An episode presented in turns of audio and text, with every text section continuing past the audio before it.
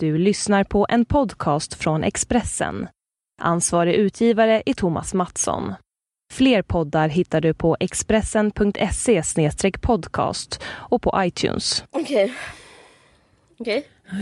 Att Jag låter så för att jag är gravid, det är inte för att jag tycker det är jobbigt. Ja, då ska jag Ja. härma dig på ett hånfullt sätt. Jag bara, okej. Gulligt. Men du, okej. Varför låter, men du menar för att du känner dig andfådd för att bebisen trycker på Ja. dina luftvägar? jag kan inte lova något, men jag kan föda under det här samtalet.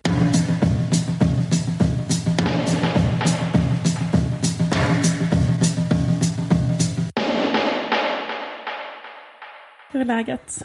Jo, det är bra. Jag sträcker ut mig så inte jag ska låta som eh, GV. Alltså, an- an- anledningen till att han frustar så mycket är ju för att han har så mycket så här, fett som Ja. trycker på hans andra organ, alltså lungorna. Och det är exakt samma som jag. Och du har också gått upp väldigt mycket vikt på senaste tiden. Så att, vet. Jag, har, jag, jag gör en sån här heter det, method acting, att jag försöker så här, sätta mig in hur det är att vara man. Uh, köns... Nej, jag är gravid.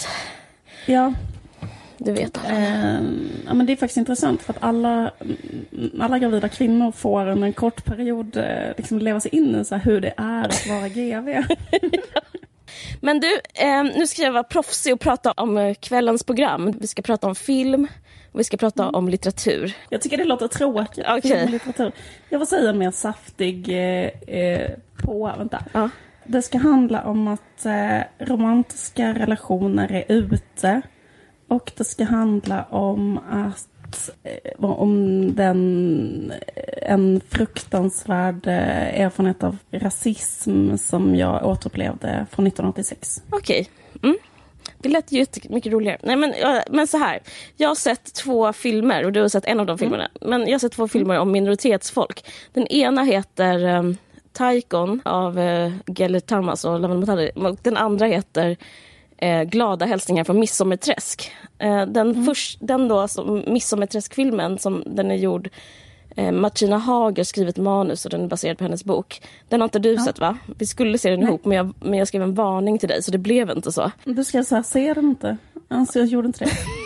Jag, men okej. Nej, men, nej, men den, så, Eftersom- den eh, grejen att den var så fruktansvärd och eh, jag vet inte. Men på vilket sätt handlar det om minoritetsfolk? Att, o- Den handlar om Ola samer. eh, Ja, okej. Alltså, det är så jag att sjukt. Menade att Ola, Ola Rapace manlighetstyp var någon slags uh, utrotningshotad Men art. okej, alltså jag skämtar inte. Ola Men du vet, det finns är inte så många riktiga män nu för tiden. Nej, så nej. Ola Rapace är en same. Okej. Eller en same. Ja, men det har jag hört. Mm. Jag vet inte ens Ja, ja. Mm, Okej. Och så att, det är så intressant för att jag såg de här liksom, eh, först såg jag den här på måndagen, sen såg jag Taikon på tisdagen och eh, Taikon handlar jättemycket om nidbilden och exotiseringen av ett minoritetsfolk och liksom hur det gjordes på bi- eh, film förr i tiden, att de, man skulle bryta, man skulle vara så här mystisk, man skulle ha speciella kläder, göra typ speciella riter, utföra danser fast det var liksom ingen som ville det. Och man bara shit, fy fan vad sjukt det var förr i tiden. Och så såg jag den här Midsommarträsk och då är det typ som en sån film Du, du, säger du midsommarträsk? Ja, vad heter Eller det? Missånger. Missånger, du säger miss... Du säger så. Skitsamma. Vad säg vad det heter då. Det var missångerträsk. Okej. Det var bara rolig härskarteknik. Mm, alla, nu hörde alla poddens lyssnare att, det var, att jag blev härskarteknikad. Ni kan skriva upprörda mejl till mig. Så. I alla fall, nej nu vill jag inte säga längre. Säg, det var, det var jättekul. Fortsätt, Okej, förlåt. nej ska jag. Jag ville säga. Men i alla fall. Att det här är liksom Missånger i träsk-filmen med, med Ola Rapace och Martina Haag i de ledande huvudrollerna. Den är liksom som en sån film som Katarina Taikon bygger ett helt liksom sitt hela, hela sitt liv på att motverka. Det, var så himla, det var liksom o, en obehaglig ironi att jag såg inte så någon sån här Rasmus på luffen från 50-talet whatever utan jag såg den här nu 2015 och det handlar om att Martina Haag hon typ så här säger att samer, är det såna med lustig mössa som bara sjunger så konstiga sånger? Och ja, det är jättekonstigt att hon eh, är så. Och sen så, men det är nästan ännu grövre att Ola Rapace spelar samer och att Bert-Åke Varg spelar norrlänning. Så det är en väldigt så här, de har typ tagit upp så här en slags, inte skådespelarelit utan mer så de som blev över klick och kört upp dem till Norrland och eh, alla ska prata norrländska. Och grejen är alla har så dåligt självförtroende så att det blir en väldigt tyst film. Ola Rapace säger nästan ingenting och Bert-Åke Varg säger nästan ingenting. Det är som en så himla himla konstig film. Den är fruktansvärt dålig och fruktansvärt, ja men den, den är hemsk. Det, det här med samerna är inte så farligt men det är mest att det är så dålig konst liksom. Och jag är så himla känslig. Men, ja, vad säg, avbryt. Men, men det är rätt så intressant för det är ju ett starkt tema. Jag har inte sett denna så jag får bara mm. ta på din mm. recension här. Mm. Men äh, det låter som att det finns, ett, för att ett starkt tema i den här Taikon-filmen det är ju att de beskriver Eh, en sak som jag tycker är ganska intressant så här, som finns mm. som ett element alltid i förtryck av eh, utsatta grupper, mm. att det också ofta finns liksom en sexualisering av dem. Ja. Att det är så här, dels är det så att de ska inte ha bostad, så var det med romerna då i Sverige, de ska inte ha bostad, de ska inte gå i skola, de ska liksom så här, bara sitta i något tältläger och typ svälta ihjäl och få bo så här 24 timmar på varje plats i princip. Sen mm. finns det ett annat element som är så här, de är sexiga. Och vi kan tänka oss att ha en sexuell fantasi med dem och ligga med dem. Eller typ vilja eller typ mm. fantisera om det. Och så mm. är det väldigt ofta. Och det låter som att det elementet fanns med här i Missångerträsk också. Det här med samerna, att det finns en sexig, alltså att man sexualiserar. Eller var det en sexualisering ja. av samemän? Ja, jag skulle säga att det var det. För att eh, jag, min reaktion. Jag skriver ju själv drama nu, så jag har känsla för svensk drama. Jag, jag känner mig hypokondrisk och det första jag tänkte var att jag vill liksom lägga ner och det, det är så dåligt, jag är också dålig. Jag fick en ja. sån som inspiration fast tvärtom. Liksom, att jag liksom hatar mig själv för att jag ingår i en kulturkanon av vad svensk drama är. Men min andra reaktion var, som jag sa till min kille som var så här, vad snygg Ola mhm. Rapace är. Mm -hmm. för det handlar om att man får se Ola Rapace uh, knulla i olika vid olika så brasor mm -hmm. och olika fjäll okay, och sånt där. Nu börjar du sälja in eh, och... Varför var det och, när man inte skulle eh, se den? Nej precis, jag har också glömt det. Nej men då sa min kille, jag vet inte om han är bara avundsjuk. Jag tycker det var sjukt av dig att säga så till honom. Eh. Men fortsätt. Ja. Tycker du det? Jag menar, lite, skitsamma, det beror på hur du sa. Satt och sa så här, åh det är så jävla gött att se Ola Rapace knulla vi. Nej jag var inte, jag var inte nej, kåt nej, när jag okay. sa det. Um, och skitsamma, då sa jag så här, var, eh, typ lite så reflektioner mm. om filmen. Vad snygg Ola Rapace Då sa mm. han, eh, ja men du vet att han tar anabola? Eller, och så sa jag, åh fan det visste jag inte. Sen så googlade jag det och då är det att han har åkt fast för ringa anabola brott. Då känner jag det känns som så här andra klassens skådis på så många sätt. Att så här, man tar en sån, jag vet inte, och det känns också som så här, eh, också en skymf mot samerna. Kan inte de få liksom en, en vanlig riktig, kropp? En vanlig kropp, måste de ha så här, typ, alltså jag vet inte, alltså the leftovers ska liksom uh. göra. Men för exakt så var det ju Taikon-filmen, att det var så här, ja de kan typ alltså, en, en av de starkaste scenerna i den där filmen, alltså, det tycker jag är så att ja. de visar ett gammalt tv-klipp från en intervju med Katarina Taikon. Om ni inte har sett filmen, kan jag säga bakgrunden mm. är så här, hon är en människorättskämpe som försöker så här, förbättra villkoren för romer som då för tiden i Sverige inte hade någonstans att bo, inte fick gå i skolan och eh, eh, liksom levde helt utanför samhället. Då ska hon vara inter intervjuad om de frågorna. Då inleds, eh, då inleds intervjun med att det är en svensk då, journalist, man, ja. som liksom, kameran zoomar in på en bild som är en väldigt känd bild i svensk och norsk och dansk kultur. För jag läst på lite grann om den här bilden. Det är liksom en oljemålning ja. som många känner till, för den finns i väldigt olika varianter. Och den heter Zigenarflickan. Och nu vet jag mm. att man inte ska använda den termen längre, men grejen är att den tavlan heter det. Och det blir också helt sinnessjukt att mm, börja kalla den tavlan för typ den romska flickan. För det är ju inte en rom, det är inte en zigen, alltså det är liksom en sexuell fantasi. Mm. Och vet du att den tavlan, det, det är då en barbröstad, um, vad heter det, mörkhårig tjej med en röd uh, kjol på sig. Typ fast inga, alltså med så här halvt. Ja, och så nedhasad singoalla Den finns i massa olika versioner, mer eller mindre mm. blottade bröst. Men många är så väldigt pornografiska där hon är så helt avklädd och typ sådär. Och den gjordes faktiskt mm. första gången av, alltså han som har gjort de där, han heter um, Charles Råkas. Och han är liksom, uh, han var ursprungligen från Ungern men han bodde i Norge hela sitt liv. Och den första han gjorde var 1950, gjorde han den första sådana tavlan.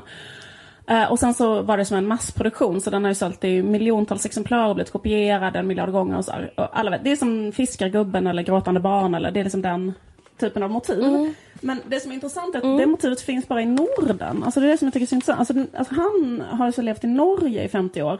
Så det är liksom en nordisk um, sexuell fantasi om den andra eller, alltså man kan inte tänka sig den tavlan existera i ett annat land. Alltså det är liksom en uh, typ skandinavisk uh, sexfantasi. Eller om ett exotiskt, eldigt, Just en Och då fick hon en Precis, det blir en intervju. Så först visar man den bilden och sen säger man så här, ja det här var väl en eh, här, riktigt härlig liten brallis. Eller något sånt där, säger den där. Mm. Ja, exakt mm. det ordet. Ja. Och sen tar han ner tavlan och så vänder han sig om och så säger han så här, välkommen hit Katarina Taikon. Eh, och sen ska mm. hon börja prata om så här, romers rättigheter efter det. Det är liksom, alltså, det, det, det är så... Eh, alltså, man, man, liksom, man, här, alltså det finns en bot, man får bottenlös häpnad av eh, mm. liksom hur det var. Eh, och det är det, det är det som är den där filmens största förtjänst, att den visar, och det finns massa andra exempel på det också, liksom typ nästan alla intervjuer de spelar upp med henne är ju så, att intervjuaren säger så här, har du blivit spådd? Typ en jättekåt intervjuare. säger så här, känner du en eld när du dansar? Hon bara, nej ja. det gör jag inte. Gör du inte? Känner du inte den här elden och alla män? Alltså det, är så här, det, det är liksom... Ja, just det. Det tänkte jag också på när du sa det här. Att den där intervjun när han säger så här, eh, du, eh, kände du hur Kände du en eld i bröstet? Då säger hon nej, typ, det gör jag inte. Då säger han så här, men jag vet att jag hade känt en eld om jag hade sett den dansen. Och liksom, det är jättesnuskigt. Ja, och det, det liksom går ut på den konstiga... Eller det känns som att... Eh, alltså för att det där, den där påan av henne där, den skulle kunna bli liksom fälld för sexuella trakasserier. Alltså det är ju liksom ja.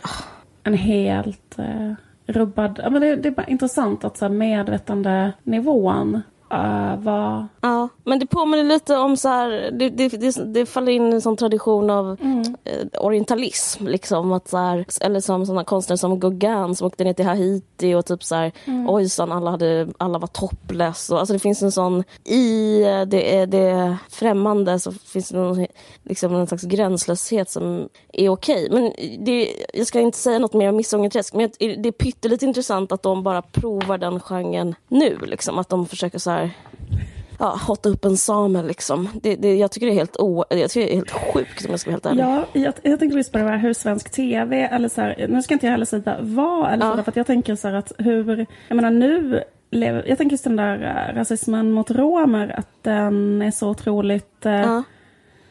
Den är ju, liksom vi lever just nu i ett, eh, vad ska man säga, en peak av, av det. Eh, alltså att man tänker mm. på antal hatbrott och, och så vidare. Eh, så det är liksom verkligen så här, eh, eller jag menar det blir lite så konstigt också nu när jag pratar om så bara, oj det var så sjukt att se det historiska perspektivet, för det är ju verkligen eh, något som är fortfarande så mm. in i helvete. Men, men det jag skulle säga är att just den där, så här, det där sättet att snacka, eh, det var som intressant. Grejen att jag själv, jag, bara för några dagar, eller för typ ett par veckor sedan, så typ, jag kollade på så här öppet arkiv, du vet SVT. Mm. Och då tänkte, jag, och då, då tänkte mm. jag så att jag, eller då klickade jag av en slump, därför att då klickade jag på mitt så allra första tv-minne. För att när jag var liten så um, hade inte vi någon mm. tv. För mina föräldrar var så här mot att barn skulle kolla på tv typ. Så att um, jag mm. kommer ihåg, liksom, det första jag kommer ihåg att jag har typ sett på tv. Då är det typ att jag är åtta, det är 1986. Och då är liksom mm. jag uppe hos en granne till oss där ute på landet som är bor ganska långt ifrån oss ändå. Men då, och då tittar vi på eh, Melodifestivalen. Eh, som leds av Lennart Svan mm. det året. Och det året var ett år när det bara var, mm. eh, det var inte live-akter utan det var videos av någon anledning. Eh, och för att typ spara mm. pengar eller sånt där. Eh, och jag har så gränslöst starka och enormt positiva minnen av det där. Att det var bara så här helt, helt mm. Sjukt positivt. Och liksom att de här kvinnorna som är med är så sinnessjukt vackra. Och typ, det var de här, det var typ eh, Nanne Grönvall som ung och Anna Bok var med. Framförallt så tyckte jag då väldigt mycket om Anna Bok. Det var den som jag tyckte mest om. Hon var bara 16 då när hon var med. Och då är de mm. intervjuade. Innan de ska spela den här videon med deras eh, grej. Så, måste de, så står mm. de eh, inne i studion med Lennart Svan inför en publik. Så då är det liksom Anna Bok som då är 16. Mm. Och hennes band. Mm. Och sen så ska de bli eh, för, liksom, så ska typ Lennart Swahn ställa några frågor till dem innan de ska spela deras video. Och då bara ska jag bara spela upp för dig. Mm. Alltså, först börjar med att Lennart Swahn säger en ganska normal mm. fråga som är så här. Eh, Hörru du, du har en fanclub, eller hur? Men efter den frågan så eh, lyssna noga vad han säger sen.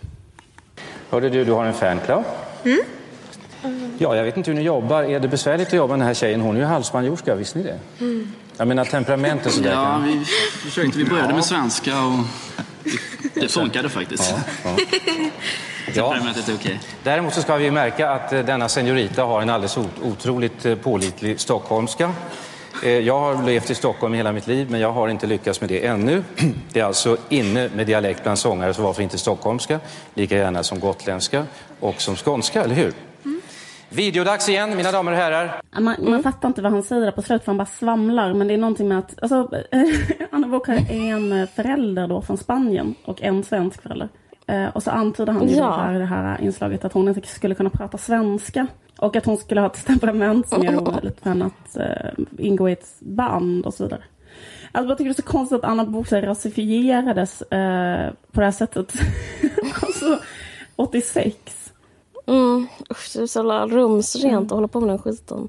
Men det, det reagerar jag också på i filmen Taikon att eh, jag tror det var, var det körka... Nej, det handlar om fem glada smed, smedjar. Sme, heter smeder. Den filmen så hade de fått regi hade Ro, var Rosa och Katarina med och fått regiinstruktionen att bryta på På något jättekonstigt sätt. Ja, precis. Och inte kunna prata svenska fast de kunde prata svenska skulle de säga så här.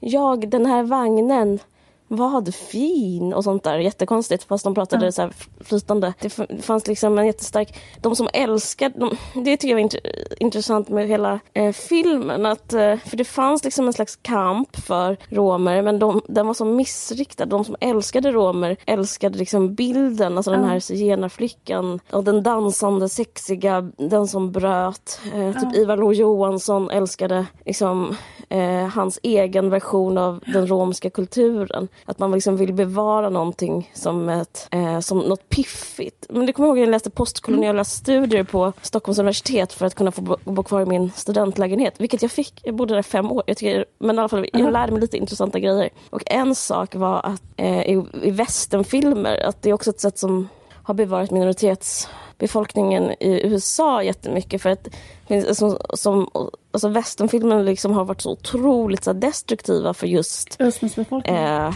alltså ursprungsbefolkningen. Precis. Alltså eh, hur man porträtterade, liksom, hur man gjorde indianer på film, så att säga.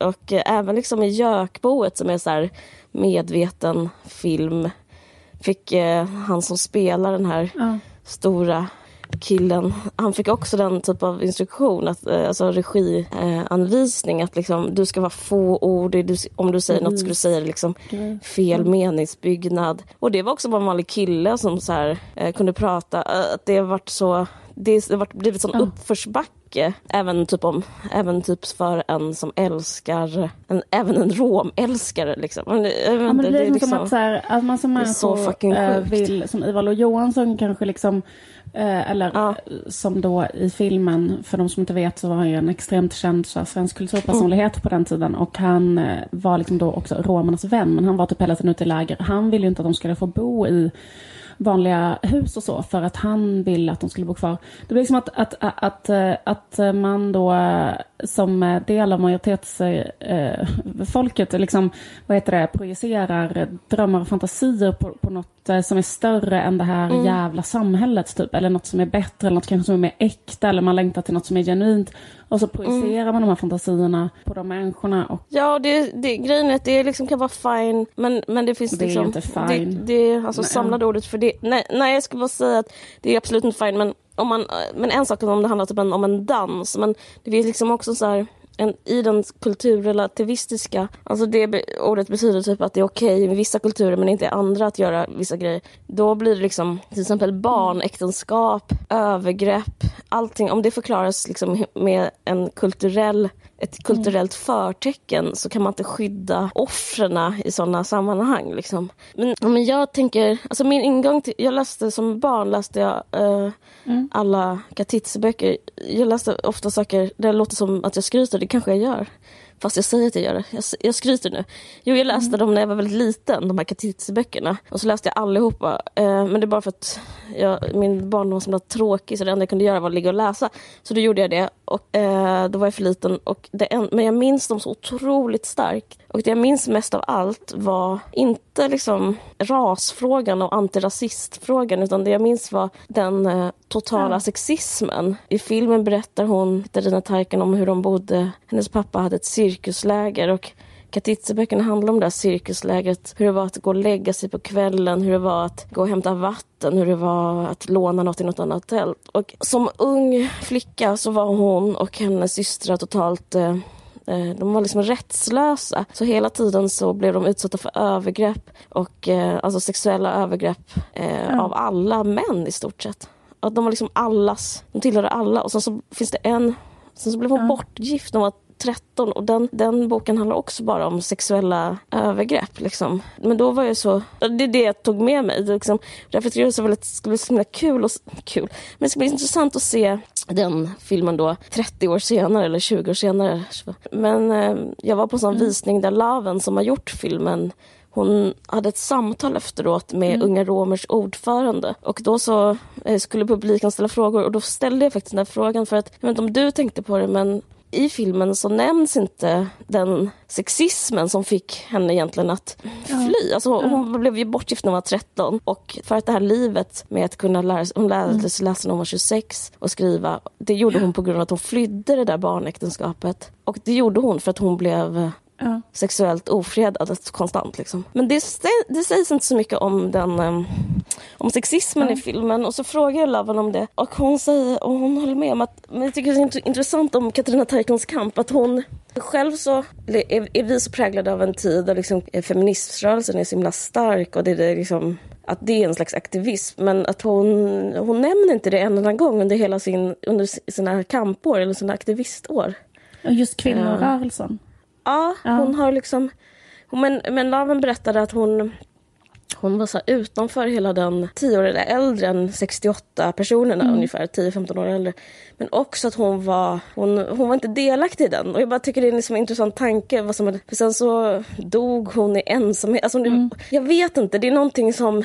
Det finns en tragedi att hon vittnar om ett patriarkat. Och det patriarkatet fick henne liksom att kämpa jättemycket. Ja. Men eh, hon, hann inte, hon hann inte vara med om att få skörda frukten av hennes, egen, av hennes, eget bidrag. Eller vad man ska säga. Jag vet inte, jag har liksom, det är ingen direkt spaning men tänkte du på det att hon inte pratade om att hon blev, om de här liksom, eh, ja, Jag eh, om, tänkte, jag tänkte liksom, ja, men alltså att, att, för, att filmen inte lyfter det perspektiv. Grejen är, Jag tänkte på en sak när han den där Hans Kaldaras, eh, som var hennes vän, sa så här, eh, hon hade ett sår och sen var det bara tyst och sen så var det bara liksom en bild på henne. Och då fattar man ju att så här, här är det klart att det finns vittnesmål om sexuella övergrepp. Fast jag tänker att i och med att hon skrev om alla de där sakerna i Katitzi-böckerna mm. så liksom lyfter ju ändå de frågorna. Alltså, Ja, alltså jag menar inte som kritik av, att, av henne. Jag menar bara att det liksom som en, ehm, en hypotes. What if? Tänk om hon har blivit omhuldad av kvinnorörelser. Tänk om hon kunde liksom fått ehm, eh, jag, jag skulle tycka det var intressant att ha med henne i kvinnorörelsen på något Ja, sätt. Alltså, hon, hon var så fantastisk aktivist vad gäller antirasism och, och sådär. Men, eh, men, men jag tror att de, de berättade inte det för att det var liksom ingen jag tycker det är intressant, det säger ju någonting om hur patriarkatet var förr i tiden också. Att det var bara liksom så himla... Det, det, det, det hade hon liksom inte ens hunnit komma till. Men det var så jävla sjukt. Ja. För det, står, det kan man läsa om sen. verkligen. Ja, jag vet inte.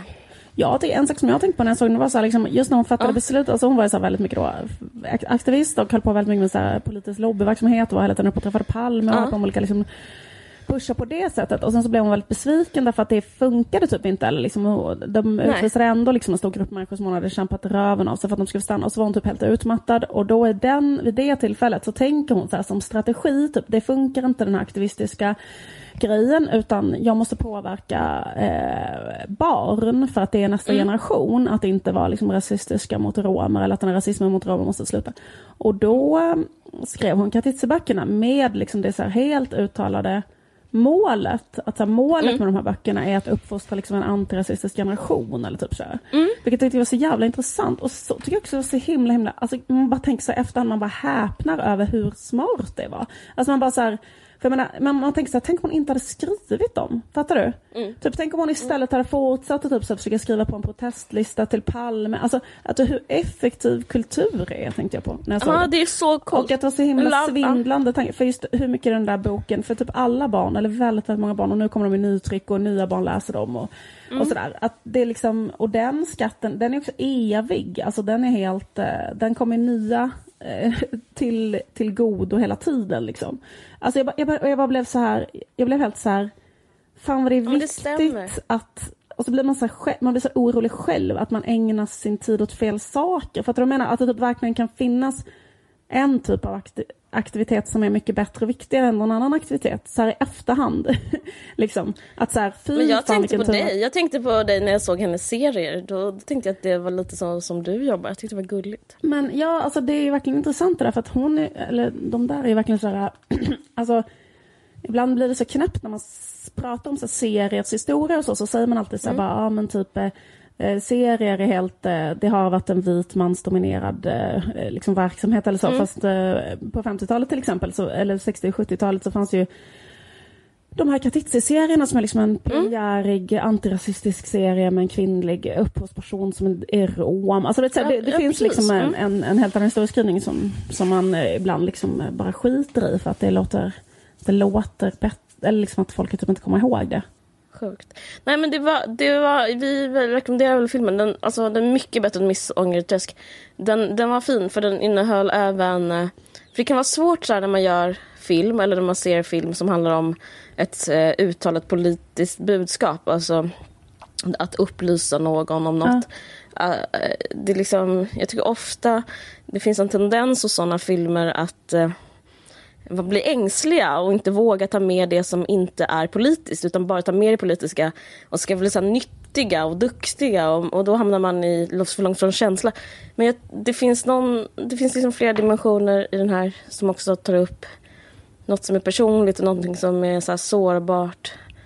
Eh, och, hon verkar vara så asjobbig att leva med och, och det är liksom det berättas rätt så fint om att det är svårt att ha en relation när man har ett helt har väldigt jobbig barndom. Och Det är väldigt berörande tycker jag. Verkligen. Och att hon är en dålig mamma och, och att även, men det tar inte från henne, hennes liksom arv som författare och, och aktivist. Alltså det blir liksom, det, jag tyckte det var fint att de vågade nyansera. Det var underbart. Men då kanske det citatet från dig kommer komma på filmaffischen. Så här, Caroline Ringskog, kolon, den är mycket bättre än Missångerträsk.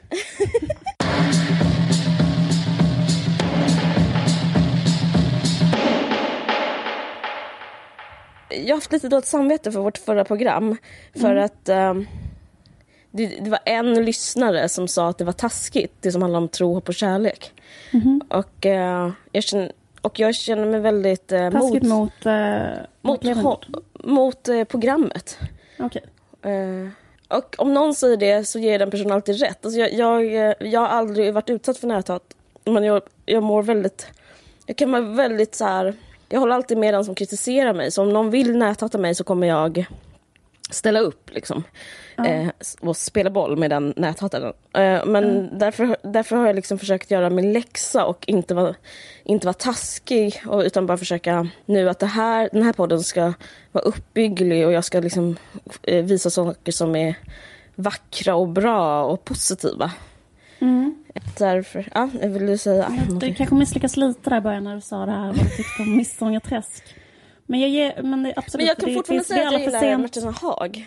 Ja, precis. Ja men i alla fall. Eh, och eh, eh, därför vill jag... Jag, har- jag har börjat eh, läsa poesi. Alltså det, det här är... För, min, min förra... Förra årets bästa bok var Jaja San. Det här årets bästa bok är Asta Olivia Nordenhof. Det är sant. Gemensamt för de två är att båda är från Danmark Ja. och att båda skriver poesi. Jag tycker, jag tycker det säger någonting om, lite om det vi pratade om Katitzi också. Att man, man utsätts för en sån här stridström av kultur hela tiden och populärkultur. Och sen så, typ, in the end of the day så är det enda som, eh, som verkligen förstör ens liv på ett positivt sätt är typ eh, en dansk poet. Det, mm. det är så fett. Och eh, hon är så jävla fucking bra, Asta Olivia mm. Nordenhof. Men, men det kan också handla om min graviditet. För att jag, det här konstiga tillståndet som jag befinner mig i, det finns nästan ingen bra, inget bra uttrycksmedel för det. Man tvingas bli biologistisk och sen tvingas man bli nästan religiös för att man har en annan människa inom sig. Så man, ja. Jag upplever hela graviditeten som ett väldigt poetiskt tillstånd. Um, så det är därför, jag tror det är därför jag har liksom börjat läsa väldigt mycket poesi. Och mm. jag skulle vilja dela med mig med dig och mina lyssnare hur bra det här är. Mm. Jag också läst det. Jag älskar varenda fucking jävla ord. Alltså ja. det var så jävla bra. Säg vad hennes bra. diktsamling heter så kan alla det heter, Den heter den, Det enkla och det, och det ensamma på svenska. Mm. Det heter något annat på danska men det enkla och det ensamma. det heter typ Dynamilige. Ja, jag vet inte. Men eh, jag, ska, jag ska läsa upp. Det är som en enda lång dikt hela den. Den handlar mycket om... Eh, både hennes föräldrar har dött och sen så handlar det om en sån här eh, reorientering i tillvaron efter det. Och så, jag läste att hon, eh, hon, hon skriver utifrån ett rum. Jaget är ett rum och sen så skriver hon utifrån det. Så hon försöker liksom vara i tillvaron, i nuet och vara i minnet samtidigt på något sätt. Alltså, det är svinbra, det spelar ingen roll hennes förklaring. Men jag ska läsa bara lite utdrag. Okej, nu börjar jag. I solnedgången och tunnelbanan drev med sitt ljus som ett strängt, som ett underligt ilsket samhälle. Två människor framför ett radhus satt under filtar, talade med varandra. Mensen gör ont och de dåliga minnena låg en gång på en trädgårdsstol. Det är ett dåligt minne. Han jag dejtade sa, vad håller du på med? Varför satt du och visade trosorna för alla? Jag fattade ingenting. Jag hade inte tänkt på det. Så, flera år senare, så visar det sig. Jag sitter och snackar med en på en bar. Så säger han, den gången, på den där tillställningen, när du satt och visade trosorna för alla, det var första gången jag såg dig. Okej, okay, lite senare i dikten. Mm. Först när hallen blivit närvarande kan jag vara min pappa. Inte om jag börjar tänka på hans barnknän. Bruna shorts, så som de ser ut på bilden. Farmor i vitt, pappa i bruna shorts. Så är allt förlorat. Och jag kan inte hitta min pappas blick. Sittande på sängen Därifrån kan han, om skjutaren är fråndragen, se matbordet. Jag vet att min pappa rymde som 14-åring hemifrån. I några år knarkade han och levde på gatan. Jag har nyligen förstått hur han senare i livet omtalar min mamma i brev. Adresserat till andra kvinnor. Den lilla grisen tog aborten bra, skriver han. Om man slog henne gick hon över till Annie. Hon ville inte att min mormor skulle veta. Jag vet det för Annie berättade senare för min mormor. Breven ligger framme. Han har aldrig haft för avsikt att skicka dem till någon. Min mamma ska hitta dem. Hon ska förstöras. De bodde i samma lägenhet som jag bor i nu. Jag tror de älskade varandra. Mina naglar har växt ut och klippts många gånger sedan min mamma dog. Flera gånger sedan min pappa dog. Jag tvättar av sakerna och ångrar det. Du har samma kropp som din farmor, sa alltid min mamma. Du har samma mimik som din pappa, det säger alla. Ja, så. Ja. Visst är det bra? Ja, det är fruktansvärt bra. Spännande att poesi är bäst.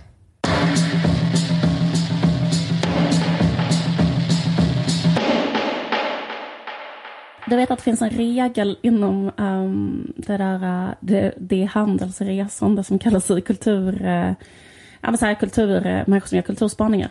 Det finns en regel som är så att om man har tre exempel så är det en trend eller en spaning. Mm. Jag har i alla fall tre exempel som eh, utgör grunden för en spaning jag har om samtiden. Mm. Exemplen är så här. Ett, att eh, det har kommit ut en serieroman på Galago av en tjej som heter Sara Elgeholm som heter Jag drömde att jag var gravid i natt. Och den boken handlar om eh, en, ett berättarjag som eh, strävar efter att eh, skapa en, en familj, eh, alltså att skaffa ett barn och ha fyra föräldrar till det barnet, eller fem, som inte har några inbördes eh, sexuella eller romantiska relationer, utan bara vad man kan kalla vänskapsrelationer eller medföräldrar, eh, som en, ett kollektiv som skaffar ett barn tillsammans. Det är den ena saken, som är en samtida händelse. En annan händelse är att filmen Glada hälsningar från Midsommarträsk går på bio. Som handlar om en 44-årig kvinna som heter Nadja. Som eh, inte har någon eh, romantisk relation och därför tänker ensam adoptera. Och eh, det tredje exemplet är att ehm, journalisten Henrik Sorahammar känd från podden Det politiska spelet, pratar i sin podd Det politiska spelet nu, som är en podd som jag alltid lyssnar på. Han pratar, berättar lite grann i den podden om att eh, han och hans man tänker skaffa barn tillsammans med en eh, kvinna och vara tre föräldrar till det barnet. Mm. Men jo, men trenden är att eh, romantiska relationer som grund för eh, barnalstrande är ute. Mm. Och inne är att skaffa barn utanför ramarna för en romantisk eller sexuell relation. Ehm, Ja men det stämmer ju på dina exempel. Mm, eller hur? Så jävla... Trenden, trend, trenden, trenden är klockren där i alla fall. Fast eh, liksom, eh, i och för sig i, fallet Torehammar så finns det en romantisk relation eh, som är mellan han och hans man. Men själva kvinnan, alltså att alla tre föräldrarna har inte en romantisk relation. Det finns ju en romantisk relation men, men också ett helt icke-romantisk relation som bara är till, där man bara är då typ medföräldrar. Mm. Jag har läst ganska mycket av den här, eh, socio- eh, det finns en sociolog som heter Eva Illouz. Som är eh, typ jätte, hon är så här rockstjärne-sociolog. Hon är professor på universitetet i Jerusalem. Är hon Israels Så- Roland Paulsen? Typ. Ja, exakt. Hon är liksom bett, eller hon är liksom, hon är mega, hon är megastjärna. Hon är som Roland Paulsen om han, om han hade varit internationellt känd och Nej men fan, det var hon som skrev en, hon skrev en artikel i Svenska Dagbladet om, om att man inte var lycklig. Man blir inte lycklig om man blir gravid. Är det hon? Kanske inte. det vet inte Jo jag. men det är hon. Hon har också skrivit om det. Att man blir, livet blir inte bättre om, man är, om man får barn. Jag fick, jätte, jag fick jättegulliga kompisar skickade den till mig. Aha, vad spännande. Ja, det verkar hennes Ehm. grej. Alltså hon, hon är lite besatt av det där. Ja, alltså hon skriver om, eh, vad ska man säga, så här, moderniteten och kärleksrelationerna.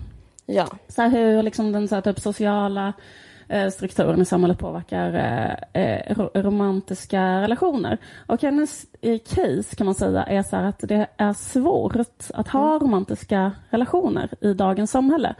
Och att det inte beror på så här, individers barndom eller eh, liksom, eh, vad heter det, psykologiska tillstånd hos olika individer. Utan att det beror liksom på att så här, moderniteten och samhället, att det finns liksom strukturer i det som gör, som skapar ångest, smärta, sexuell frustration, eh, eh, kärleksproblem eh, så här, i högre grad än vad det var förut. Och man kan säga att hon menar att det beror på två saker. En av de sakerna är att liksom nu för tiden så är det en ganska unik situation egentligen historiskt därför att så här, man har så pass många behov som innan var liksom uppdelade på ett större kollektiv eller på en större grupp. Men som nu, alltså hon romantiserar inte alls hur det var förr, för hon menar typ att det var skit som det var förr också med det här kollektiva, det vill säga jätterepressiva kollektiva bysamhället och så. Men ändå så är det liksom en sak som har hänt och det är liksom att fler och fler saker som ska tillfredsställa en människa, alltså typ så här eh, emotionella behov, eh, intellektuella behov, eh, vad heter det, sexuella, fysiska behov eh, ska tillfredsställas av en människa, alltså av en kärleksrelation. Eh, och även då att uppfostra barn inom ramen för den romantiska relationen. Så det är typ så en relation som är väldigt belastad.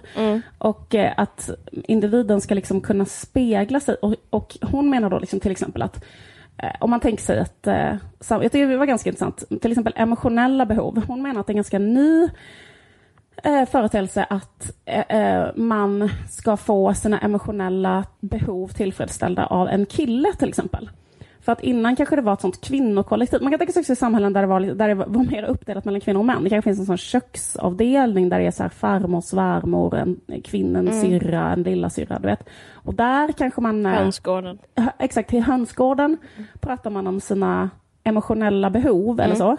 Sen kommer kanske ens man hem och då typ har man kanske sex men pratar inte med mamma. Typ. Tycker hon att, hon att det var bättre? Nej, nej, hon tycker typ att det var också Dåligt. skit. Liksom. Mm. Men jag menar att någonting som har hänt är att det här emotionella behovet har flyttats över också till parförhållandet. Mm, mm. Också kanske då det intellektuella utbytet, att det ska vara så här Mm. kul och intressant och utvecklande att snacka med varandra.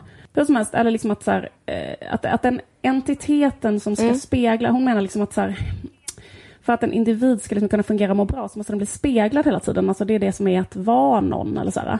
Och att fler och fler av de speglingarna eh, och liksom bekräftandet och liksom att, att det blir en större tyngd på parförhållandet. Större och större och större tyngd. Liksom. Ja, ja. Eh, och Partnern gör- får liksom ha för, för stort ansvar på något sätt. Och Mm, att, okej. eh, Ja, det makes sense. Eh, och att ett annat, en annan sak som har hänt, en trend, är att det har blivit en ökad jämlikhet, eller en väldigt stark ökad jämlikhet, eller slags feministiskt paradigm. Som gör att Mm. det också är svårare att hålla ihop, menar hon. För att ehm, liksom bara, bara av det skälet, inte att det är, alltså, lägger liksom ingen värdering i detta, men typ att det är lättare att styra i en diktatur än en demokrati till exempel. Alltså, det är liksom när, när en är submissiv hela tiden och en bestämmer så är det klart att det är lättare att liksom bara vara ihop för evigt. Alltså så. Eh, men liksom när det också finns, det finns ett konfliktfyllt, två konflikter som ska fyllas ihop inom en människa eh, när man ska ha ett parförhållande. Och det är så här, dels ett slags krav eller en, ett eh, slags moraliskt imperativ som är att man ska vara autonom och självständig som individ och göra olika saker. Och sen finns det ett annat slags eh, imperativ eller vad man ska säga i ett parförhållande som är att man ska vara hängiven, totalt hängiven och ge upp sig. Symbiotisk. Symbiotisk. Och de två sakerna eh, står i konflikt liksom, på ett sätt som de kanske inte Mm, gjorde eh, när det bara fanns den här grejen med symbios. Typ. Mm. Så det menar hon liksom är två utvecklingslinjer som har gjort att, att, det, att det är svårare att ha liksom romantiska relationer och gör att det blir liksom mer och mer så smärta eh, eh, inom ramen för romantiska relationer och också så mycket, mycket, mycket, mycket större risk att göra slut eller aldrig kunna bli ihop med någon och liksom hela den grejen. Och sen så finns det massa, massa olika sociologer ehm, som har liksom eh, det finns en, han är i och för sig en total idiot, men typ eh, en som heter Pascal Bruckner, känner du till honom? Han är så fransk eh, filosof. Alltså hans största case är typ att han hatar multi... Dansk Han är filosof. fransk. Ja, fransk. Ja. Men han, Ja, inte, kunde, varit, kunde varit dansk. Men han hatar multikulturalismen, det är liksom hans stora case. Och han tycker liksom att Okej. väst... Eh, skitsamma, men han har ett annat case som är att han tycker att man ska, på grund av de här sakerna, då, han är också så här, kanske då eh, anhängare av teorier av att eh, den moderna romantiska relationen är utsatt för för hög tyngd och svår därför att liksom hålla ihop och svårt därför när man har barn tillsammans och sådär.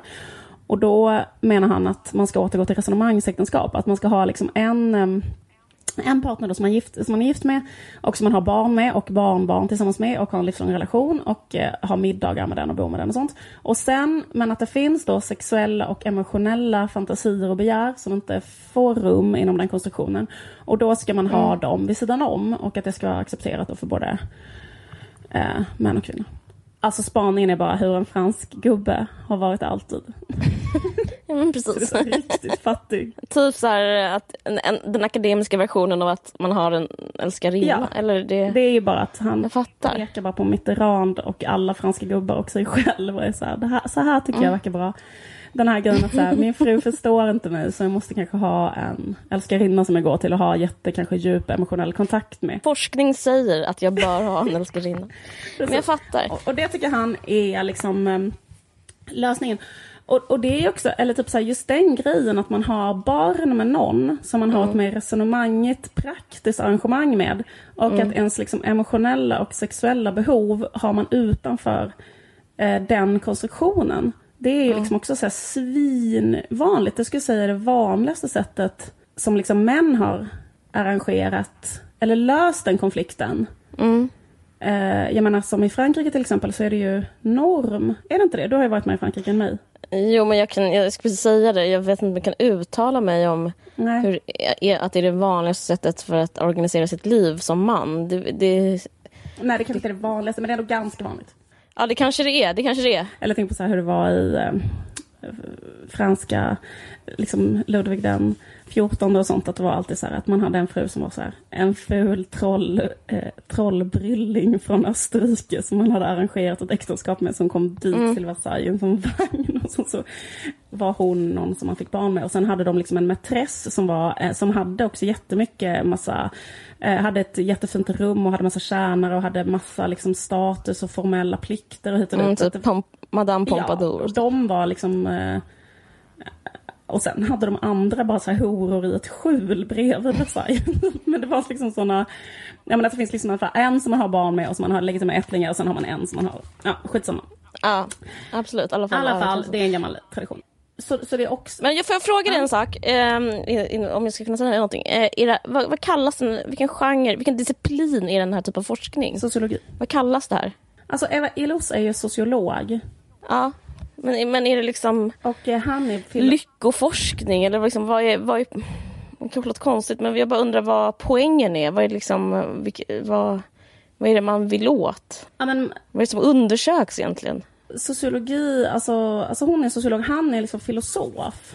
Så Ja, han försöker väl, vad ska man säga, hans aim kanske mer är att göra någon så här äh, skiss över hur ett äh, mer lyckligt samhälle skulle se ut. Eller, men så- det är kanske en filosofisk idé då. mm, mm. Jag vet inte, jag bara tycker det är speciellt att ha med den här typen av så här antaganden eller liksom forskning som är att hitta det rätta svaret eller vad man ska säga eh, på hur man ska leva. Eh, det är så... På ett sätt är det så livsfientligt. Kalla mig vanlig, eller jag vet inte vad man ska säga, men jag tycker det är... Det känns så himla fåfängt att hitta ett svar. Och, eller ska, borde, borde inte vara typ en sån... Borde inte någon komma fram till att det inte går, att livet är liksom både dåligt och bra och att det finns en otillfredsställelse som liksom är själva definitionen av livet. Det känns liksom inte... Jag tror inte på någonting av det här, eller, eller på det vi har. Förstår du vad jag menar? Men jag tror att alltså, Pascal Bruckner är ju bara en idiot liksom som jag bara Ja. tar upp för att eh, det var typ lite loll att han hade en sån idé liksom. Ja, Men Eva eftersom den är exakt är ju som- typ en ja. svinintressant tänkare som typ så här, Mm. tycker jag gör att man kan så här, liksom få syn på en massa saker och Mm. liksom eh, men, men, men vad jag skulle komma till, jag ska, ska bara spela upp Mm. Absolut, hennes, förlåt, var klar. hennes Mm. lösning på, Mm. på det. Eh, på den här, eh, så här problematiken i alla fall med Mm. svårigheten med att kombinera Romantik och liv. Typ. romantik och liv. Det är eh, så här. Det här är från en podd som heter Gender Studies. it is possible that we're moving to a model where more and more women will decide to have children on their own with a community of friends and with a community of people like them who, who are raising children together. I mean, I see that happening more and more in Europe of uh, people having children uh, through various uh, technologies of reproduction or with other people who they do not live with or do not share uh, their uh, daily life with, and raising their child with a community of friends. Uh, that is a viable model if it is done well and with uh, a great deal of wisdom. I think that is a viable model to substitute for the difficulties of bringing up children in uh, romantic relationships. Slutsatsen är den här spaningen i alla fall. Eh, som, eh, som av en händelse, eh, vad heter det, korrelerar med min spaning om den här trenden i, i eh, nej men just den här trenden att eh, röra sig bort från barnalstrande inom ramen för romantik och eh, separ- istället separera barnalstrande från romantik.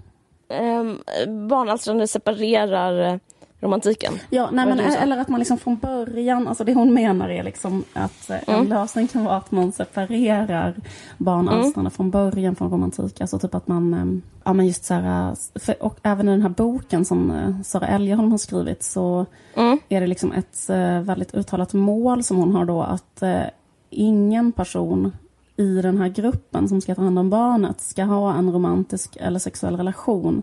För att det är en för osäker grund eh, att bygga en familj på. Och hon menar, mm. alltså, hon, alltså, eller berättar jag, alltså, eller vad man ska mm. säga, mm, mm, mm, eh, upplever det som en säkrare grund.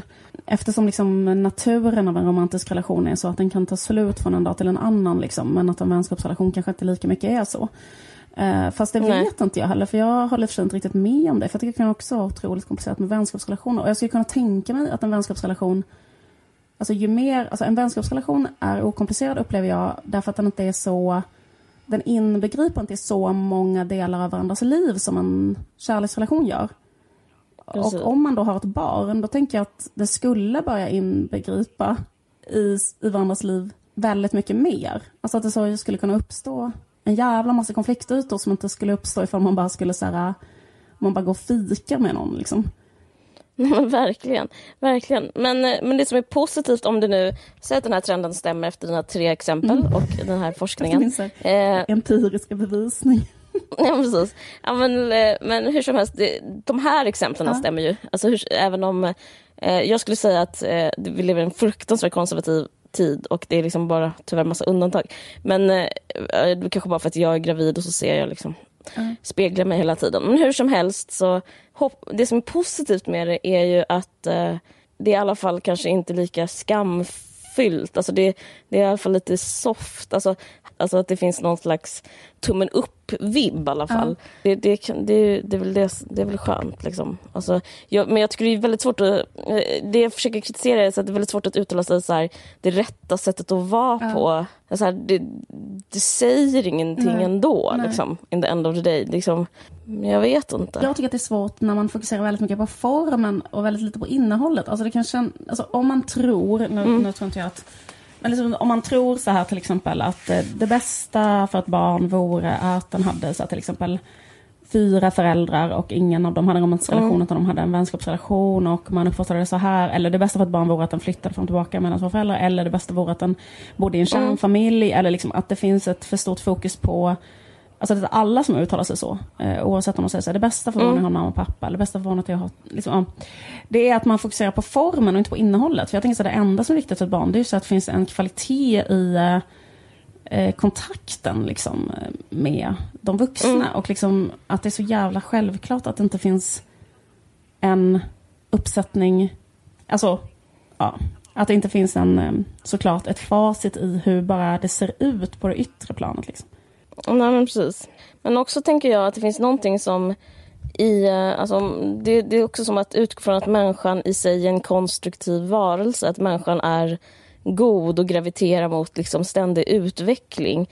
Jag tror att det finns en destruktivitet i varje människa som eh, också är tillfredsställande att få leva ut. Alltså, det är också konstigt hur man så ska definiera livet. Alltså, jag tänker att eh, i liksom själva premissen livet är att man vill vara dum i huvudet. Man vill, alltså typ så, i premissen kärlek ingår det jättemycket att man typ man, man gör så fel beslut, man står och bankar på någons dörr, man, man säger så här kom i mig fast vi bara känt varandra en månad. Alltså förstår du mm. vad jag menar? Att det är någonting som går förlorat om man gör rätt också och det är det, det där felaktiga som man så här, som kanske är det, så här, det götta liksom. Det är bara, det, eh, det är bara så tankar jag får när jag hör har, eh, när, jag, när, det blir för akademiskt, liksom, det finns ja vissa så dog, dogmatiska typer som...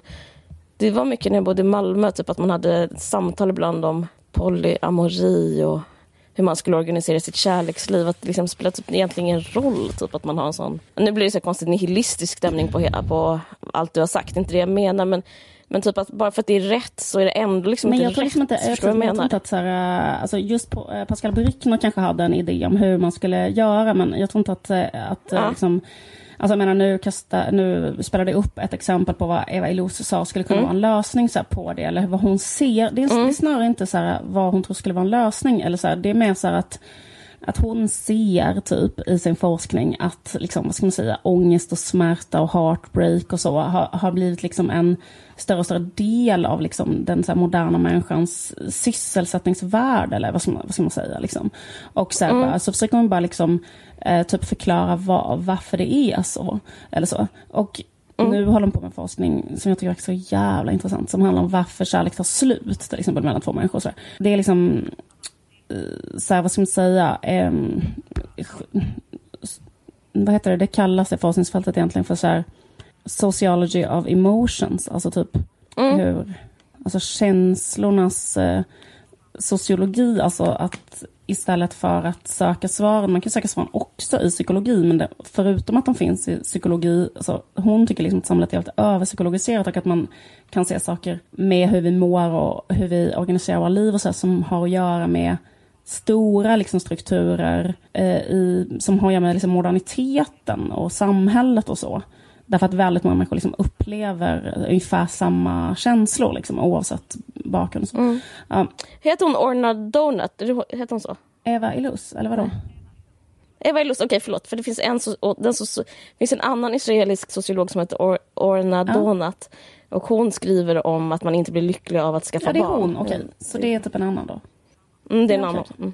Alltså jag, det jag säger är inte alls lika positivt som du säger, men jag tänker att eh, hur man än gör, säg att även om det är så här, okej okay, man kan skaffa barn med sina kompisar, så är det också så att man lever, man förhåller sig, man kan inte vinna mot eh, mot samhällets så norm vad det gäller den här grejen. För det är också ett, det är ett förhållningssätt som förhåller sig till normen fortfarande. Alltså det, är så, det, det är som att man har en piska på sig och eh, man, man, man, man, kommer inte undan. Jag upplever den här tiden som, eh, som väldigt svår på grund av det. Att, att alla, alla har en relation till att skaffa barn, till att kanske gifta mm. sig, till att bo ihop med någon. Också till att ha ett liksom, redigt arbete. Alltså det finns en sån... Eh, normen är så stark så att eh, jag, jag typ tolkar den här tiden mellan 30 och 40 som att bara uthärda det, liksom, på något sätt. Ja. Jag vet inte, jag tycker inget hjälper. Jag, jag, jag, jag tror inte det här hjälper heller, det du säger. Jag, jag, vet inte, det kanske låter väldigt negativt men jag bara känner att det inte spelar någon roll. Typ. Ja, okej, fine, typ.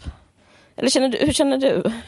Um, alltså, jag tror inte heller att så här, social ingenjörskonst um, finns, att det finns en lyckobiljett. Så Men en sak som jag tänker på som jag så här, typ, tycker var jävligt så här, intressant och viktig med den här forskningen, det är liksom så här, just att, att man själv liksom så här, anstränga sig eller tänka på det för att, så hur man kan lätta mm. själv så här, trycket i en i, i, i pressen. Ja, på tvåsamhetsgrejen. Um, ja, det kan alltså, vara typ lite istället, soft. Alltså, ja, jag, jag upplever att man liksom så får säga till sig själv. Alltså, till exempel, så bara, det bara en så jätteenkel grej som att så här, jag vet inte, att man skulle kunna så här, försöka eh, jag vet inte, när man åker på semester, att man inte åker bara med sin kärnfamilj, utan man kanske åker, man kanske hyr ett hus och är där med andra. Alltså typ, att man liksom, just ah. den här grejen att man bara så här, bara, alltså att, att, att, att det alltid är så jävla typ välgörande att försöka att dela på eh, eller liksom dela upp eh, eller göra den där emotionella cellen lite mer öppen. Liksom.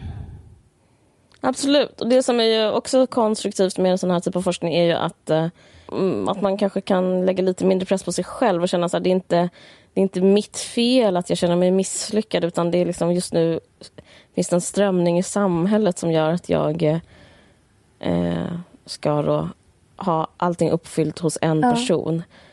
Men sen, det kan man bli så stressad ja, men sen tycker jag också att det är ganska lustigt så här, eller för jag tror också just det där va, varför man vill ha barn eller, eller så. Eller om man vill det, ja. för vissa vill det och vissa vill, vill ju inte det. Och det är så himla flummigt så här, varför man vill det till exempel. Så här. Men mm. jag tror också liksom att, eller en sak jag började tänka på när jag läste om de här, eller till exempel den här boken, för det handlar liksom om en människa som har en jättestark egen barnlängtan. Och hon har en romantisk relation med en annan tjej som också vill ha barn. Men då tycker hon Mm. att det känns liksom fel för att det känns för en för osolid grund att de två bara skulle ha barnet. Eh, och vara kära och sen om de inte var kära längre så kanske de inte ville ha barnet tillsammans längre och du vet sådär. Eh, och eh, Mm. att det, alltså hon är så här i boken väldigt eh, hela tiden så strävar efter det här eh, någon som känns tryggare konstruktion för henne att det är istället ett slags kontrakt som inte utgår från då käns, alltså kärlekskänsla, förälskelse, sexuell attraktion till någon annan. Men eh, det där tror jag är så jävla olika vad som är grunden för jag tror också att eller jag tror att det, alltså, alltså, jag tror att en annan, en annan väldigt stark känsla när man känner att man vill ha ett barn, det, det kan ofta vara en känsla som kommer utifrån att man är kär i någon. Alltså jag tror att det finns typ två, eller det finns säkert fler, men jag tror att det kan finnas olika drivkrafter. Till exempel en drivkraft kan mycket väl vara så här, eh, jag vill eh, på grund av min eh, förälskelse i den här personen vill jag eh, ha en familj just med den här personen. Eller typ det är det som är min motivation till att skaffa ett barn. Fast själv skulle man typ inte komma på tanken. Alltså det är inte barnet i sig, utan det är snarare så här att man vill knyta den där jävla människan till sig för livet typ, eller något, något liknande liksom. Och det vet jag också, eller känner jag också par som har varit med om så här liksom att när man, typ så här, när det tar slut, alltså typ så här, jag vet ett par med två tjejer och då blev en gravid och sen så gjorde de slut under graviditeten. Och sen efter det så bara kändes det så meningslöst för den andra, eller då blev hon så här, hon ville, det hon ville ha var liksom inte att ha ett barn utan hon ville ha var den där familjen. Och det var så himla konstigt att bara ha ett barn och då blev, alltså att det, jag bara menar att det kan vara så jävla för jag känner mer igen mig i det där att det är med en viss person. Och att det är utifrån en, eh, en förälskelsekänsla som man vill ha ett barn. Liksom. Jag tror att jag skulle ha svårt att bara komma på idén så själv. Eh, Men det, men det tror jag verkligen är olika. Att vissa är så att de tänker så här, det, det, grejen är att jag vill ha ett barn. Liksom. Ja. Mm. Och hon i boken ville då ha Ja. ett barn men inte eh, det är liksom bara det. en familj Ja, eller hon vill liksom ha kanske då en på det viset. Ja exakt, eller hon. Det känns inte som att det handlar inte om att, den, att knyta en annan vuxen ihop sig med den andra vuxna liksom. Jag tycker det är intressant för för mig handlar kärlek och kärleksförhållande jättemycket om att eh, palla vara... Det är ett tecken på att vara kär för mig att jag pallar vara med en person.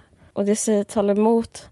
Jag pallar nästan inte vara med någon flera dagar. Liksom, eller. Men det här tror jag är extremt individuellt. Men eh, i mitt fall är det så att jag pallar upphäva den ensamheten som jag eh, är så här, eh, ger mig mest. Liksom. Och eh, därför tänker jag att det för mig skulle vara rena rama mardrömmen att så här, behöva träffa typ så här, ett gäng bekanta hela tiden och eh, hålla på med ett barn. Och liksom bara sitta och önska att de skulle sluta prata. Och, men det beror på min personlighet. Jag liksom har rätt så mycket så här, jag, älsk, jag är väldigt social men jag måste så här, ta pauser och sånt så kan jag komma tillbaka och umgås väldigt intensivt. Men jag kommer ihåg att jag vantrivdes som jag var tonåring för att man skulle hänga liksom, timme ut och timme in hela tiden. Eh, jag blev, gjorde mig ofta olycklig. Men, eh, men eh, jag kan göra det med min partner på grund av det här idiotin som är kärlek. Det, det kanske låter väldigt så här, som en oromantisk definition av kärlek men, men jag har märkt det att jag, jag pallar umgås. Men jag, det är också en sån sak som jag fascineras av i, det här, i den här boken till exempel. Just Ja. den där otroligt så här, Ja. idealiserade bilden av vänskap eller vänskapsrelationer. Så här, för att Ja. jag själv upplever också så att, och sen som så här, eller som jag sa innan så, eller, eller jag, jag blir som lite, jag, jag, jag känner inte igen mig i det heller. Att så här, att jag skulle typ, liksom så här, eller, eller jag blir liksom lite intresserad av det. På, eller liksom så här lite, bara mer så här, höja Så det det på handlar om är väl att man ska kunna vara sig själv. Det det handlar om, tänker jag, alltså, att- att jag pallar vara med den jag är kär i, att med den personen kan jag vara mig själv. Och det är väl det man känner att man inte kan i vänskap på samma sätt. Då har man liksom en slags social yta man håller på Ja, med. på kan, något sätt. men det kanske man skulle kunna Men komma det, de, kan, de kanske kan vara sig att om man bor ihop så kanske man har egna rum. Ja. Man kanske bor i en stor lägenhet och man kanske har Ja. sådär. Men jag tänker att det är... eh, Nej men alltså så här, ja men precis. Det känns ju verkligen inte som att det skulle automatiskt leda till mindre så här, konfliktytor och så. Absolut inte. Fast däremot så tror jag att så här, att om man vill ha ett väldigt så här eldigt, passionerat sexuellt förhållande så tror jag att det är bättre att hålla det utanför familjen. Ja, det är möjligt. Som eh, den där franska gubbarna gör. Jag tror att de är on to something. Eh, nej, jag skojar bara. Men eh, jo, men, jo, men jag tror, alltså, eller, men det finns någon anledning till att de lever så. För att det är liksom... Eh, förutom att det är att de är as, så är det liksom... Men är det inte bara att ta de, eh, easy way out? Det är så osträvsamt att vara sån. Jo. Det är ju verkligen att inte kämpa på. Var som att hålla någon som heter Colette på halstret. Det är att unna sig. Och så ska hon så här, så ska hon så komma på ens begravning och vara Alltså, som är anonym. fortfarande typ Och sitta där välbevarad. Sista raden i kyrkan och ingen un, alla liksom så här, vem är hon? Varför har hon röda läppar i kyrkan? Jo, för att hon är hora. Ja, exakt. Ja. Eh, Ja, men jag, jag är ändå det- det- ett fan av kärlek och jag upplever att... Eh, där så, jag älskar den här podden nu, nu, vad jag kommer säga nu. Nu är det slut. Där är, där är spiken i kistan. Nej, men det jag ska säga är att eh, jag upplever att det finns en eh, någonting förhöjande i en eh, symbios eh, där man liksom tar mellan två människor där man tar in så mycket som möjligt. Alltså jag tänker att det finns det är inget, det är, anledningen till att jag säger att det är liksom att, eh, att fuska, eller jag tar en älskarinna som, som Mitterrand, är att liksom Mm. jag, jag upplever att han är förlorare på det. Alltså jag, jag upplever det som extremt utvecklande att få, liksom, få det inom, eh, inom en relation, typ eh, sex och kärlek. Och att det. Och, och, och inte ljuga. Och, jag, jag, tror, jag tror att det liksom finns något där. tack för det, Ebba Busch. Obs, jag är gravid. Varför gör jag den här podden med Ebba Busch Thor? Nej, men gör något det är helt fackat att göra. Alltså att diskutera det med dig som är nionde månaden med en kille som är kär i, För det är, liksom, det är klart att du tror på det. Och det tror jag också. Båda fattar du vad jag menar? Men jag känner mig lite inspirerad just för att jag... Eller skitsamma. Jag känner själv att jag har erfarenheten att det är jävligt svårt. Eh, och så vidare. Och men, men, men, men... Ehm, och så tänker jag att det är så här lite härligt att tänka att det går att...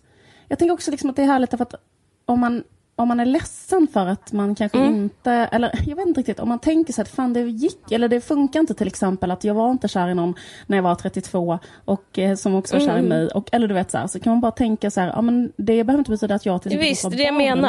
Det är soft. För att jag menar, för då kan det också, Mm. ja men det är det som är positivt, för, för då kan det också vara så här, eh, för jag upplever också något som är eh, att då, för väldigt många är också så, uh, jag är jättekär i någon, skaffar barn med den, sen så är man inte kär längre och då gör man slut och då har man de barnen på ett sånt sätt, ungefär som ett resonemangsäktenskap. Ja, men det är väl så att gött. Man, eh, man, ja, och, och, då, och då kanske man eh, lika gärna hade kunnat göra det från början och sen skaffa... Alltså så här, det, är liksom inte, det finns inte heller något som talar emot att man gör det och sen har man en romantisk relation efter det och sen eh, tar den slut. Eller så här, det, det Nej, nej, nej. Men det jag menar, det är så jävla svårt att säga så här, det ska vara så här. Ja, jag, tycker bara att det, jag tycker bara att det känns positivt att så här, öka någon slags här, variation av möjligheter. Och speciellt känns det positivt för kvinnor, för då slipper man den här grejen att hålla på med den här skiten som gör att man blir underläge. Att man ska hålla på med att... eh, jag, jag tycker det känns som att det är... För, eller exempelvis då, bara, så här, min kille vill inte ha barn. Nej, det gör ingenting. För då kan jag ska, flytta ihop med min kompis och skaffa barn med henne. Det, gör, det spelar ingen roll. Liksom. Eller man behöver inte känna sig ägd av det. Eller, det behöver inte hindra en från att fullfölja en egen liksom, livsdröm. Nej, det är superpositivt. Det Eh, är man- superpositivt och det, tar, alltså det blir softare och det blir lite mer avslappnat alltihopa. Eh, och man kan vara mer Mm. som ett agerande subjekt istället för att som, sitta som en sån gammal panelhöna och vänta på att någon ska inseminera en Ja. och också vara kär igen. Verkligen. Eh, det, det är positivt. Jag har en kompis som ska skaffa barn med sin syster. Bara så ni vet. Det är inte som att Ja. jag bara umgås med mig själv och min egen lycka. Nej men, eh, jag, nej, men som är det fanns de, ett fjärde fjärde, exempel. exempel. Det är faktiskt sant. Det här är en känd person, men jag ska inte outa. Men i alla fall, eh, som ska skaffa barn med sin Men syster. det tycker jag låter som en jättebra idé. För den, det är också en sån där relation som man redan kommer ha hela livet. Jo men hur Alltså, ska det gå till helt praktiskt? jag? Jag skämtade. Kommer det inte bli helt inavlat? Kommer inte få fem, fem armar. Nej, men då ska de bo i ett hus och ha, ha det här barnet. Ha, eller nej, de ska, de ska skaffa två tror jag. Ja, bara sett. De ska liksom bli gravida, liksom båda ja, två. Ja, det låter som en exempel på det. Det, det, det Och så har de en väldigt god relation och den är ju så här for life, den relationen. Ja, men det är det jag tänker Men också. så, och så, det ett mys med det är att det, så var det ju förr i tiden, att man höll på så här, man hade någon syster, någon Mm. mamma, någon svärmor som man liksom, kan du amma mitt barn just nu? Jag. Men jag tror att ehm, det är intressant att du tar upp, det här, hela den här, den här spaningen skulle kunna ses som en aggression mot mig om vi skulle haft en sån freudiansk, om vi skulle lägga på ett, en dyscha så skulle liksom det är en freudiansk tolkning skulle kunna vara typ att, eh, en, att det var en aggression som är riktad mot mig. Men för att också, med liksom, vad ska man säga? För att jag kan, som du är inne på, jag tror inte jag kan tänka på något annat sätt eh, förutom att bli självmordsbenägen jag just nu. vet. Jag, vet jag, faktiskt, jag fick faktiskt ett dåligt samvete att jag spelade upp Eva Illos-klippet nu. För att jag, eh, men jag gjorde det för att vi inte bara har varandra som lyssnare utan också andra. Och jag tänkte, Ja. jag visste att du inte skulle, vara, du skulle slå dövörat till för den här spaningen. Men så tänkte jag på alla så här eh, 37-åriga singeltjejer där ute. Nej men fattar du vad jag menar? Ja, men jag vill, jag, ja, men det är inte det jag ställer mig emot utan jag skäms över mig, mig själv. Men jag försöker så här, nu försöker jag cut, my, cut myself som slack. Anledningen till att jag är som Ebba Busch Thor just nu är för att eh, annars liksom måste jag typ ta en rejäl funderare och jag orkar inte det liksom. Annars måste du nu i nionde månaden ragga upp Göra bort. fem nära vänner som, som ska hjälpa dig att uppfostra ditt barn i ett sånt socialistiskt kollektiv. Ehm, eh, nej, nej, nej, nej, nej. Det är absolut Det är så inte... jobbigt att höra så här, men romantiken försvinner när man skaffar barn. Man bara... Nej, men, nej, men grejen att så, det, så behöver det inte alls vara. Grejen att även Eva Illos säger så att så är det typ inte. Och det finns också massa exempel på att det inte är så, till exempel. Hon Mm. menar på så här att, Se Hollywood-filmerna till exempel. vad sa du? Alla Hollywood-filmer talar emot henne. Nej, men, Nej, men, nu ska jag säga vem som talar emot. Ja. Eh, Linda Lindorff. hon är mitt bästa exempel. Hon har ju tre barn. Alltså bondesäker Ja. fru Linda. Det enda hon pratar om, hon, hon säger så här. Hon bara, jag är lika så här, galet förälskad i min man som jag var första gången jag såg honom. Och eh, de pratar bara om det, att de har så här, tre date nights varje månad när de går ut tillsammans. Och eh, ja, fast de har tre barn så har de det helt underbart och bla bla bla. bla. Ja men precis. men, men, Men det handlar väl om att de har ett gött liv, att de har mycket pengar. Det är, Ja. också, ett, det är också ett sätt att lösa hela skiten. att man skaffar svin mycket pengar. jag. Eh, för det kan vara lösningen på så himla mycket. Fy fan vad intressant. Tack för att du kom med det enda intressanta inlägget alltså i hela den diskussionen. Det där är så jävla, jävla, jävla sant. Ja, men du förstår vad jag menar. Ja. För då kan man liksom leva ett liv som är drägligt hur man än, hur man än gör. För då kan alltid någon annan ta hand Mm. om liksom, man kan passa ens barn, man kan åka till Maldiverna. Man, åker kan till Maldiverna och tar med sig Man en kan annan träna bit. så man Ja. får en jättesnygg kropp och sen så vill man ha sex. Och, Ja. Alltså man liksom... Om man har typ någon som så här, eh, liksom kanske har städat ens hus, att man inte behöver, man kanske, liksom man har typ så här en barnvakt som jobbar. Men just det där typ åka på semester och ha med sig en barnvakt, det är typ en sån, det är, liksom, det, det är verkligen så här tecknet på att kunna vara lycklig, att ha så mycket pengar. Ja, liksom så här likhetstecken med eh, det är möjligheten till lycka. Eh, nej men så är det verkligen. Alltså jag tror, eller så här, det är liksom, förlåt för att säga klyschor men Nej, men jag vet inte, jag tycker faktiskt inte att det är så himla belyst. Alltså så här klass, eh, alltså rollen av deg i så kärlek. Det är så jävla, jävla, jävla stor del. men Typ om man kan ha det härligt och få göra sig njutbara saker. Eh, Ja, man kan gå ut och titta varandra djupt i ögonen. Det handlar ju jättemycket om man kan gå ut och äta Mm. liksom, på en restaurang. Men ja, men vi kanske är klara. Japp. Jag- har en sak till att säga som inte handlar om det här. Mm. Eh, Du, du vet att det var jättemycket kritik mot Dalai Lama att han säger att eh, en tjej ska vara snygg. nej, Nästa... Nästa... Men, jo, det har du hört. Vad? Nej, jag har inte hört. D- Dalai Lama säger om nästa lama blir är kvinna så måste hon vara attraktiv. Nej. Hon säger det. Men det är jättekul. Men, men han har fått så mycket kritik för det. Men jag tänkte, det, här liksom get this got to me. Så jag har tänkt jättemycket på det och jag har kommit fram till att Han har rätt. det gör honom till en, den enda riktiga andliga ledaren i världen. Ja, men förstår vad jag menar? För att det betyder ju att han, han är så ärlig. säger Han, han, säger, han säger sanningen. Han säger sanningen på riktigt. Ja, det, är- det är Han, sant. han säger, han, han, jag vill, le, jag vill följa, följa honom. Mm. Led mig. För att grejen är att eh, alla andra säger så här, men det är insidan som räknas Mm. och sånt där. Men det stämmer ju inte alls med typ verkligheten. Det, det är bara min, det är min ska han spaning. säga liksom den djupa sanningen. Eller, han ska bara Eller ska han? Ha? Och det har han gjort nu. Ja, han, han, han tjatar ju bara om djupa grejer, men, men även här så typ när, när kniven mot strupen, om det ska bli en kvinna, hur ska hon vara? Då säger han till den här reportern, "Nej, men hon måste vara snygg. Och då säger reportern så här, men du skämtar, det kan du liksom inte mena. Då säger han så här, nej, nej, men hon måste, jo, hon måste vara snygg. Jag vet inte, jag tycker det finns, det finns någonting med det som gör att jag respekterar honom mer. Innan, jag respekterade inte honom alls innan, så nu i alla fall lite.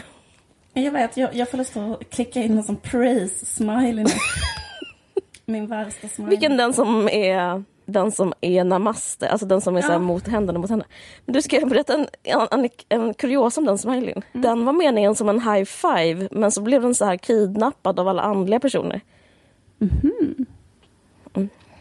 Jag har börjat Okej. använda den ironiskt och sen så märker jag att folk inte fattar att det är ironi. Men jag... Eh, Okej, eh, tack för att ni lyssnar. Den här podden görs av mig och Caroline för Expressens kultur och den klipps av Moa Lundqvist. Och eh, musiken i början är gjord av Carl-Johan Lundgren. Puss och kram! Hej hej!